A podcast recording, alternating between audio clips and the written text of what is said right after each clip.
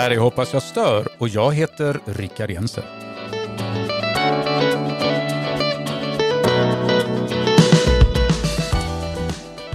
Då är det dags igen. Vi har, om du har, så har vi tillsammans lyssnat på två stycken intervjuer, två avsnitt där fokus har legat på Ukraina och där intervjuoffret, höll jag på att säga, heter Olla Lundgren.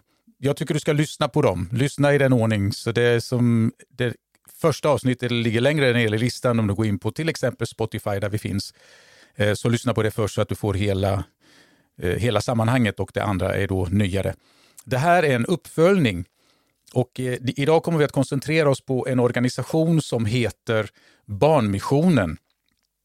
Och det finns en jättetydlig och jätteintressant koppling mellan Barnmissionen, som är en hjälporganisation, en speciell sådan skulle jag vilja säga, en fantastisk sådan. Du hör att jag, jag är ganska entusiastisk när det gäller det här, det, det, här arbetet som utförs genom Barnmissionen. Det finns en speciell eh, connection mellan Barnmissionen och Olla eh, som, jag, som jag tycker är väldigt intressant. Så lyssna och vi ska göra en telefonintervju och personen i fråga som ska intervjuas heter Bo Wallenberg, eller Bosse som han kallas av sina vänner och de som känner honom något sånär. Eh, Eh, vi kommer att, och det, det ska säga det att telefonintervjuer är alltid lite lägre i kvalitet när det gäller ljudkvaliteten och därför att man har inte ett ljuddämpat eh, rum kanske och man har lite sämre mikrofoner och framförallt så är inte mobillinjer eller mobil connection, de, det är inte det allra bästa.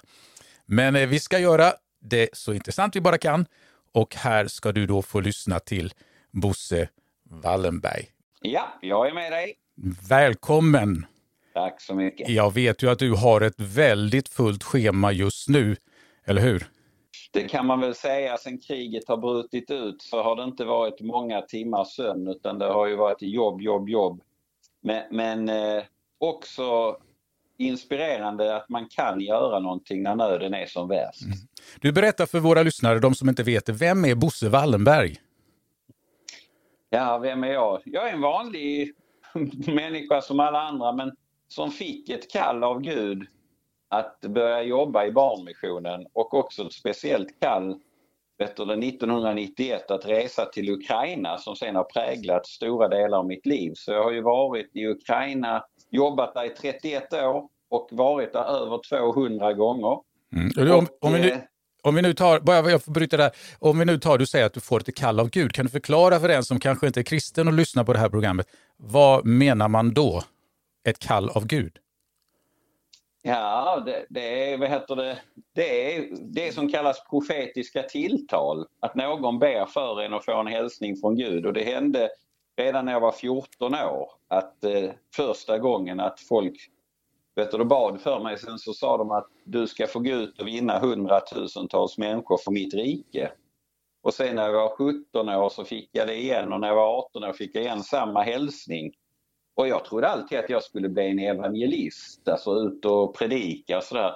Men det var inte det Gud hade menat. Och när jag då var 25 år så kom min pappa och sa att du är den enda son jag har som kan ta över barnmissionen. Men jag har en fråga till dig. Kan du tänka dig att bli ledare för Barnmissionen? För du måste göra ett val i ditt liv som jag ska berätta för dig. Då sa jag okej, okay, för jag jobbar som säljare i en stor firma då. Så sa han, du måste sluta räkna pengar och börja räkna människoliv istället. Du kommer få använda alla gåvor du har men i dagens slut så kommer det inte handla om hur mycket pengar du fick i fickan utan hur många människoliv räddar jag? Och då hamnar du på någonting som heter Barnmissionen. Och vad är då barnmission? Det låter också sådär, om jag använder ett uttryck som jag normalt inte använder, det låter väldigt religiöst det också. Kristet alltså. Ja men det är det ju. Barnmissionen är stiftat och grundat av min pappa Sigvard Wallenberg 1983.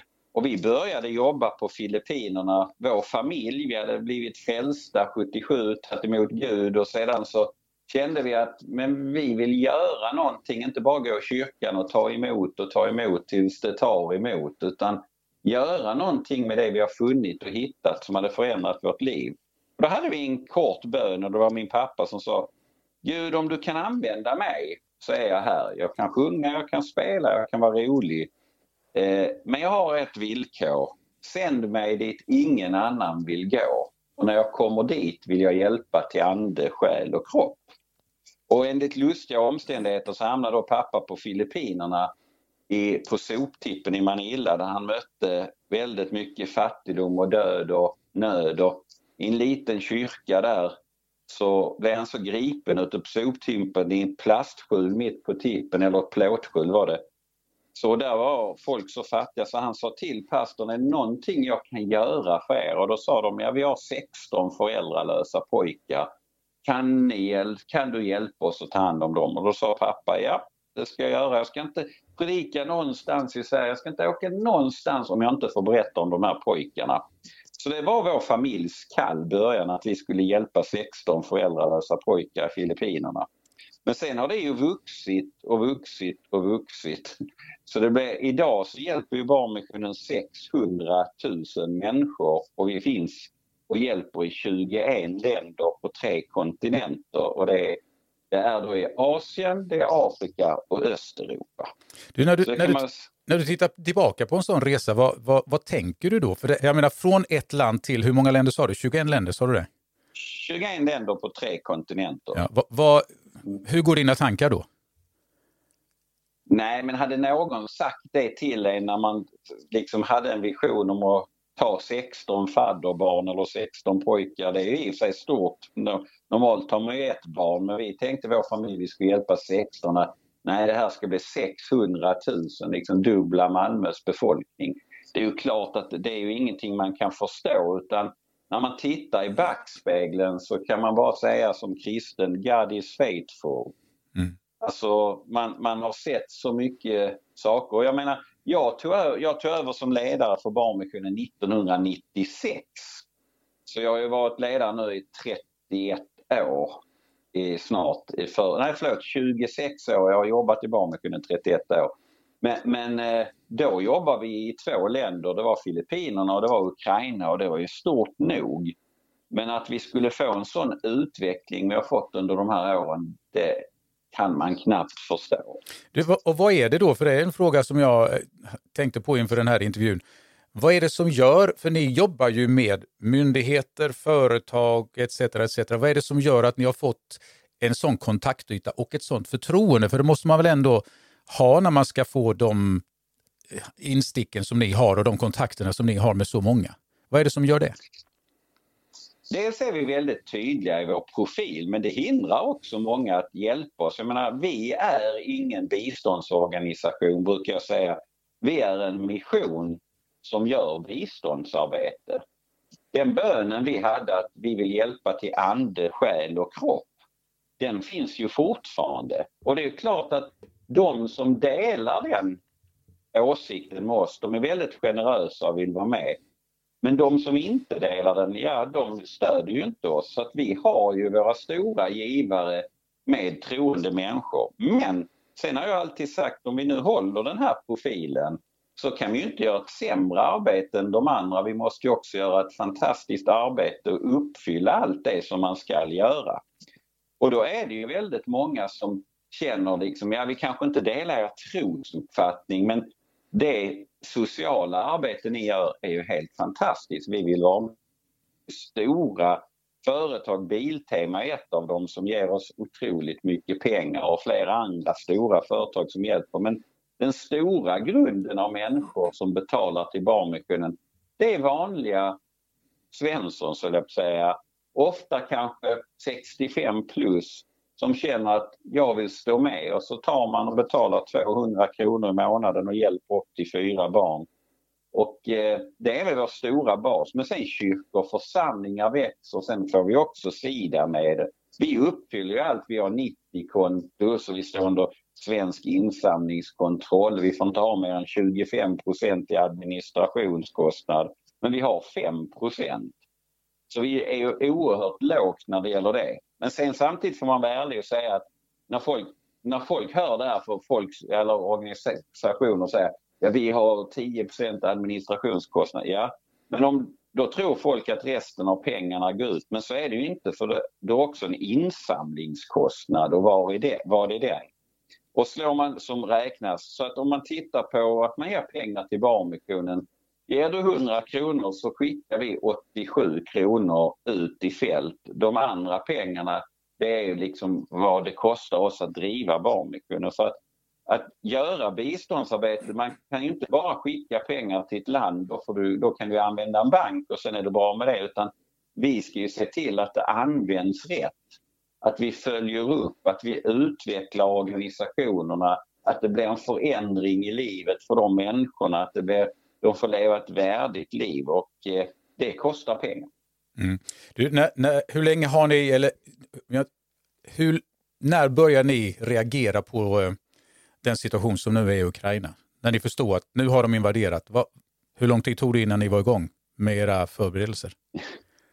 Vi har ju jobbat där i 31 år.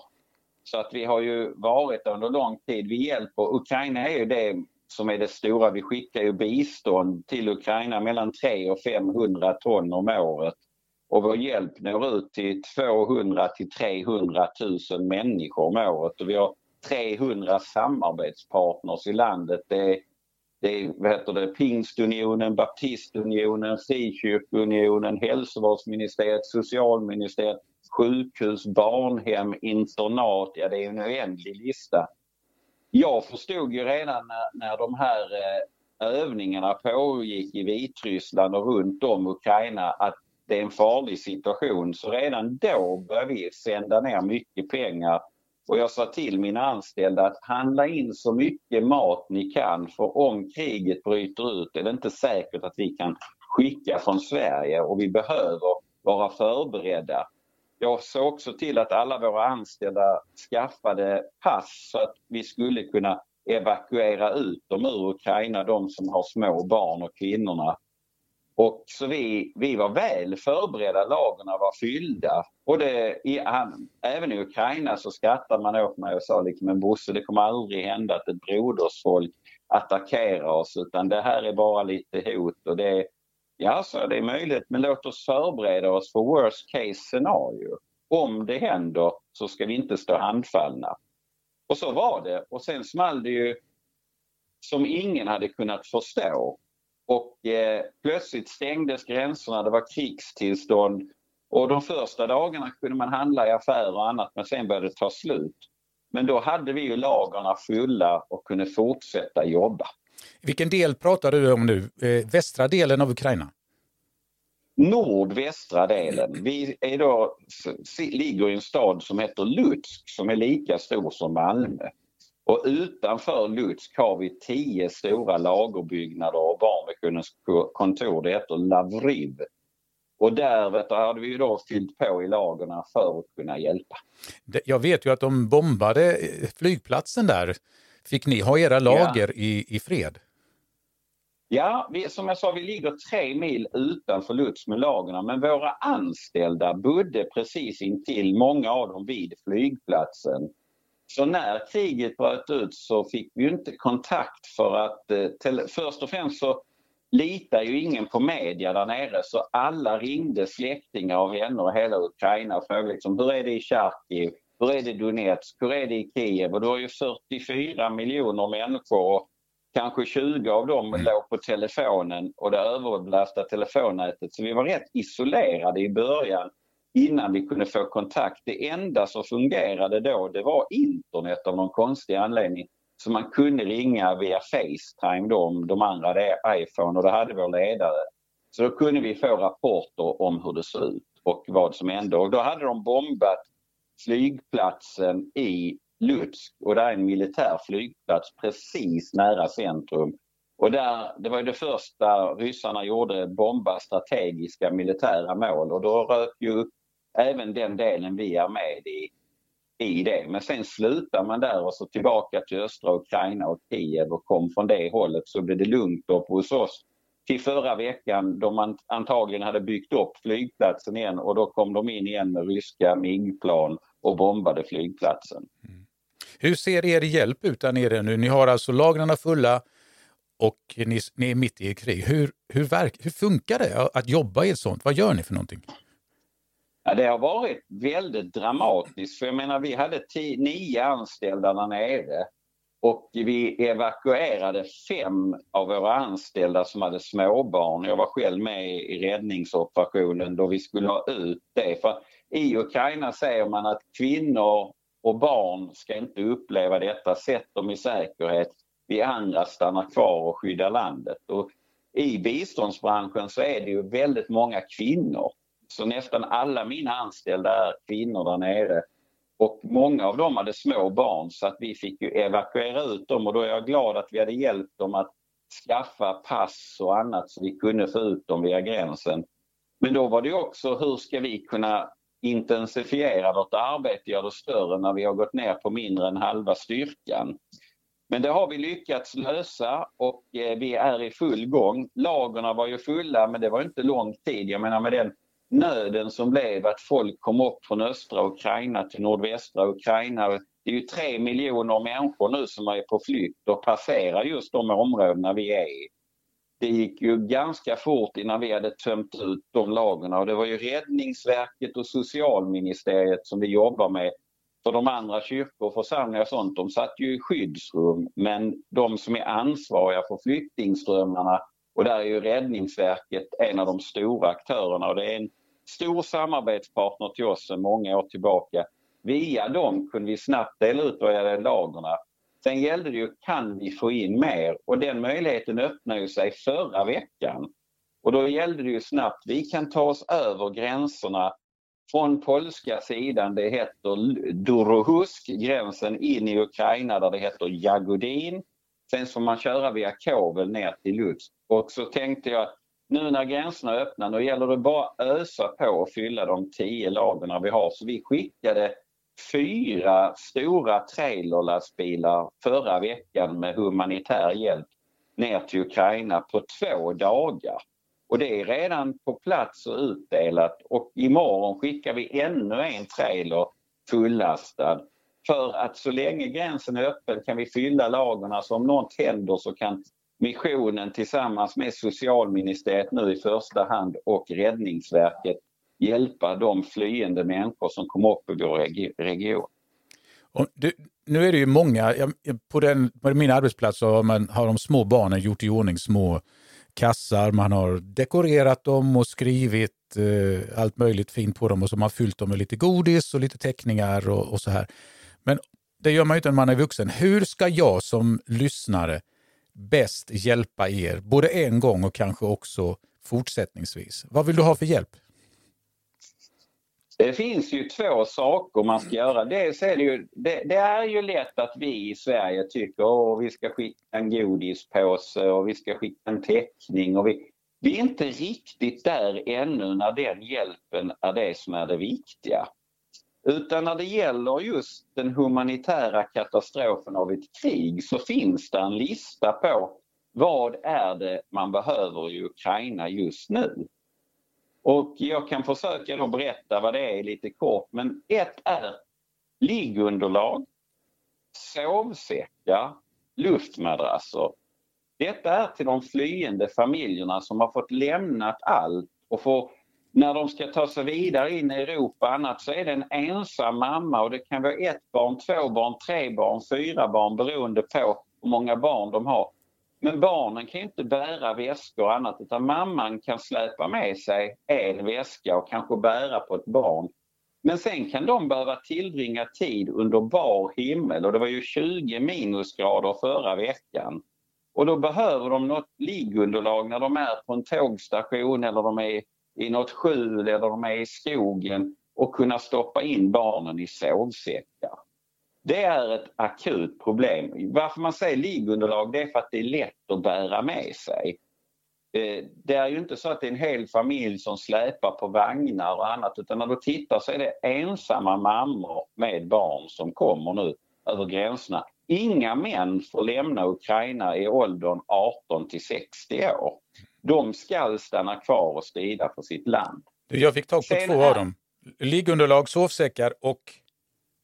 Luftmadrasser. Luftmadrasser, tack. Ja. Sedan det andra är att det är ett stort behov av mat.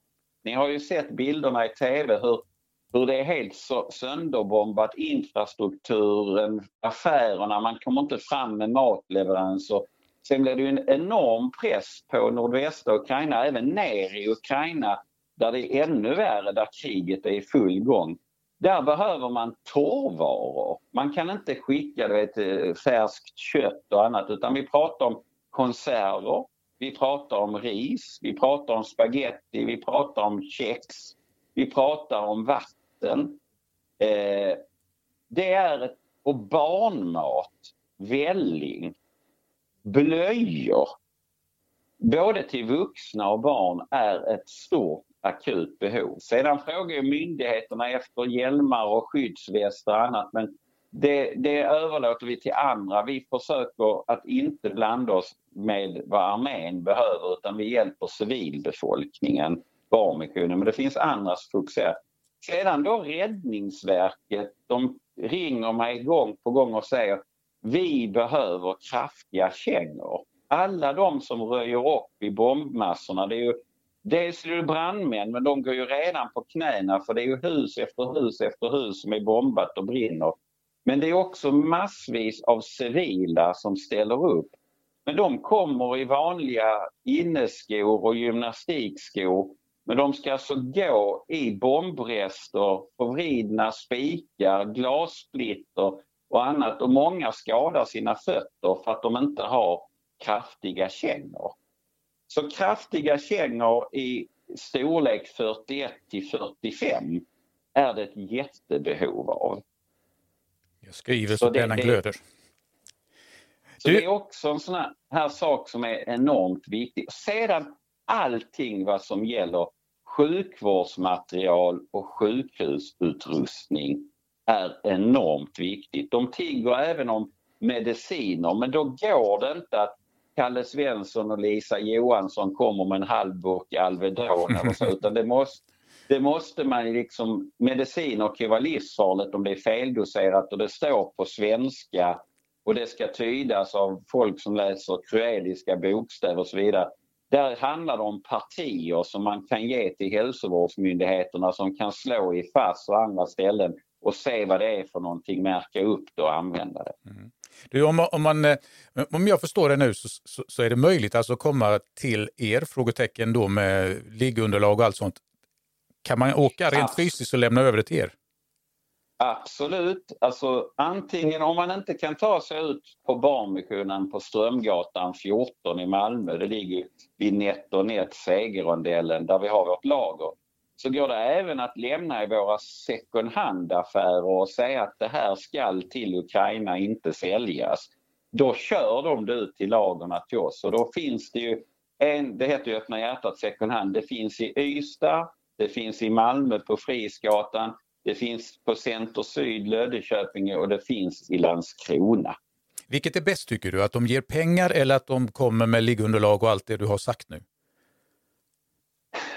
Pengar, då kan vi ju köpa in. Men problemet är just när det gäller liggunderlag, sovsäckar och luftmadrasser så finns det inte att få tag i. Vi har ju en väldigt, väldigt god kontakt med Biltema som är en av våra största sponsorer. Jag har pratat med dem och sagt att vi skulle vilja få en donation eller köpa av det. Men deras lager är tomma för svenska folket har bunkrat själva, förberett sig för krig. Ungefär som i pandemin alla for iväg och handlade toalettpapper och allt vad det var i, i absurda mängder så har man gjort likadant nu när det gäller vad heter det, att förbereda sig om något händer här. Vilket gör att det är väldigt svårt att få tag i. Därför vädjar jag till er att har ni extra sovsäckar, liggunderlag och annat ni kan undvara. Det är ett jättebehov. Ett jättebehov, det tar vi gärna emot. Man säger också att kläder är inte största prioriteten nu. Eh, de flesta har varma kläder till sina barn för flykten upp i vad heter det, Europa. Sedan när de kommer hit kommer det finnas ett stort behov att vi hjälper dem när de ska bo här allt ifrån några månader kanske till år. För de har bara resväskan med sig. Men just till Ukraina nu så är det andra saker. Det, I kläder det man frågar efter är varma herrkläder, gärna lite grövre rockar och annat som då dessa behöver som går in i bombmassorna och röjer. Men inte så mycket barnkläder och annat utan det kommer det finnas ett behov av sedan när vi har fått en massa flyktingar upp till Sverige som ska etablera sig. Men under resan nu och flykten är det inte det akuta. En sak som jag har funderat på, och även kommenterat med några av mina vänner, är att har de här flyktingarna nu som flyr ett rent helvete i sitt eget land, har de någonting att komma tillbaka till? Om, om striderna skulle upphöra, låt oss säga nästa vecka, eller denna vecka, vad finns det att återvända till? Det beror ju på var du kommer ifrån. Kommer du från Militopol och, och de städerna så är det ju inte mycket att komma tillbaka till. Alla hus som är bombade i Kiev, men du har alla dina släktingar och vänner som bor på olika ställen i Ukraina. De som kommer till Sverige nu, det är inte lyxflyktingar som eh, tycker att nu tar vi chansen och åker. Det är folk som flyr för sina liv. Det är splittrade familjer där fädrarna är kvar, där de gamla är kvar och de unga mammorna med barnen är här. Det finns ingenting de önskar hellre än att sätta sig imorgon tillbaka till Ukraina, hjälpa till och bygga upp sitt land. Även om de kommer få bo under enkla omständigheter på golvet hemma hos farmor och mormor eller vad det nu är. De vill inte vara här, de vill tillbaka. Men deras män och de äldre säger bara rädda den yngre generationen. Se till att den kommer ut så att inte den blir skadad. Och eh, så ser det ut nu. Om du får önska, hur, hur ser eh, era möjligheter ut i framtiden? Jag tänker från och med nu och så låt oss säga ett, ett år framåt. Vad är det för insatser som du skulle vilja se? Det är alltid behoven som styr beroende på hur illa kriget blir, hur långt det sprider sig. Blir det hela Ukraina? Fortsätter det efter Ukraina i Moldavien där vi jobbar? Fortsätter det sedan vidare eller kommer de att hitta en fredslösning där kriget upphör? Oavsett vem som vinner krig. Jag brukar säga politiker kommer, politiker går. Men de nödlidande består. Min dröm är att Barnmissionen ska kunna fortsätta verka och när det här kriget är slut då kommer det vara nya behov. Allt från fönsterrutor till byggmaterial till att hjälpa människor vars alla kläder och tillhörigheter har brunnit upp. De behöver, då kommer det vara enormt mycket behov av kläder och annat också som vi har mycket av via våra second hand-affärer och överskott vi får och allmänheten. Men det återstår att se. Vi vet inte vad som finns kvar av Ukraina och hur länge detta krig kommer att pågå. Det är ju den stora verkligheten. Mm. Och vi vet inte om det skulle vara så att Ryssland vinner det här kriget. Stänger de då av för internationella hjälporganisationer? Det har man ju gjort i Ryssland och sagt att alla organisationer som får sina pengar utomlands ifrån är terrororganisationer. Mm. Så vad som väntar i framtiden det vet vi inte. Utan, och eh, David Wilkerson 1973 han hade en bok där han skrev om en syn han hade sett om och då var det just att öststaterna kommer att öppna sig under en tid och att vi måste hjälpa så mycket vi kan för sen stängs gränserna igen. Mm. Och det vet vi ju inte. Det är ju ingen som kan säga idag, kommer gränserna stå öppna hela tiden eller är det under en kort period, sen stänger det och låses ner och vi hamnar i kalla kriget igen. Då kan vi ju inte verka, men vi har ju byggt upp Barnmissionen på ett sådant sätt att det är naturligtvis när det gäller humanitär hjälp och annat behöver de hjälp utifrån. Men all kunskap, allt vi har gjort i 31 år sitter ju i våra anställda och de vi jobbar med och de kan fortsätta utan oss att jobba humanitärt. Du, om vi vänder blicken mot Sverige. Vi får ju, kommer ju få, vi har redan en flyktingström som är på väg in och vi kommer få en ännu större flyktingström. Eh, hur hjälper vi bäst de som landar i Sverige? Det, det, det, det, har ju redan ändrat sig en del. I början så var det bäst att inte ta hem folk i sina privata hem.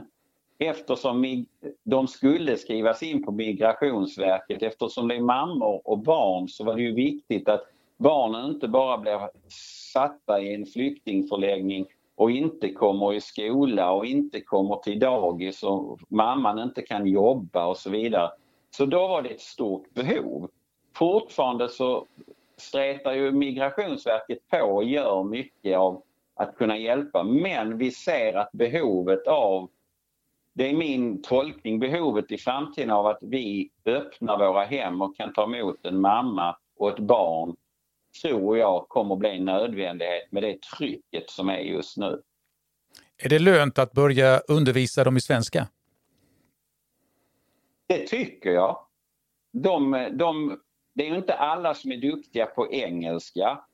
Nu är det ju en yngre generation som kommer med barnen så de kan lite ord eller så men vi vet ju inte om vi pratar om att de ska vara här en månad, två månader eller flera år. Och det är viktigt att de har ju fått nu så alla ska få arbetstillstånd, kunna bidraga till samhället och, och hjälpa till. Och då tycker jag det är viktigt också att man lär sig språket där man är. Bosse, om du, du, du får mellan 30 sekunder och 60 dito, mellan en halv minut och en minut och hålla ett tal till de som lyssnar. Vad säger du? Då ska jag säga ett bibelord som tog mig väldigt hårt som jag läste häromdagen. Där det står, nu kan jag inte exakt säga vad det är, men det stod Sluta inte att göra de goda gärningarna. Just nu så är vi alla så gripna av vad vi ser. Att vi liksom öppnar våra hem, våra plånböcker och ger saker. Men om det här drar ut på tiden så är man ju rädd att vindarna mot detta nödlidande folk och man sätter sig själv först och glömmer bort hur svårt de har det som kommer. Att vi inte slutar att göra vad som är gott. Detta är ju en kamp för Europas demokrati. Att vi ska kunna leva i fred och frihet. Detta är inte människor som lycksöker sig hit. Detta är människor som i, i förtvivlan har flytt från ett land som inte ligger längre bort än vad Gävle ligger från Malmö. Bosse, jag sa att vi skulle hålla på i kanske 10 minuter. Du gav mig 30 minuter och 28 sekunder så här långt. Du ska ha ett stort tack. Ja, okay. Jag önskar dig ja. allt gott i ditt arbete. Gud välsigne dig. Tack. Detsamma. Hej, hej. Hej. Ja, det där var alltså Bosse Wallenberg, eller Bo Wallenberg som han heter lite mer officiellt, som då är generaldirektör för Barnmissionen. Och Eh, vi kommer att lägga in lite länkar så att du kan eh, ta dig fram till Barnmissionen också och se på deras hemsida. Och eventuellt ska vi också få ner, vet inte om jag hinner det här, det här är inspelat på onsdag. Klockan är nu halv åtta onsdag kväll och podden ska ligga uppe från klockan 00.00. Vi får gå in kanske och komplettera med adresser och eh, länkar och sånt där. Men du har lyssnat, du har hört att behovet är enormt och eh, ja, gör en insats och eh, se var du kan hitta dina öppningar för att nå de här människorna. Bosse brinner och, av entusiasm och inspiration. Eh, även om jag kan föreställa mig att man blir trött av att jobba som han gör så intensivt som det är just nu. Vi är tillbaka nästa vecka också, men med en ny podd. Podden heter ju Hoppas jag stör och jag heter Rickard Jensen. Ha det bra.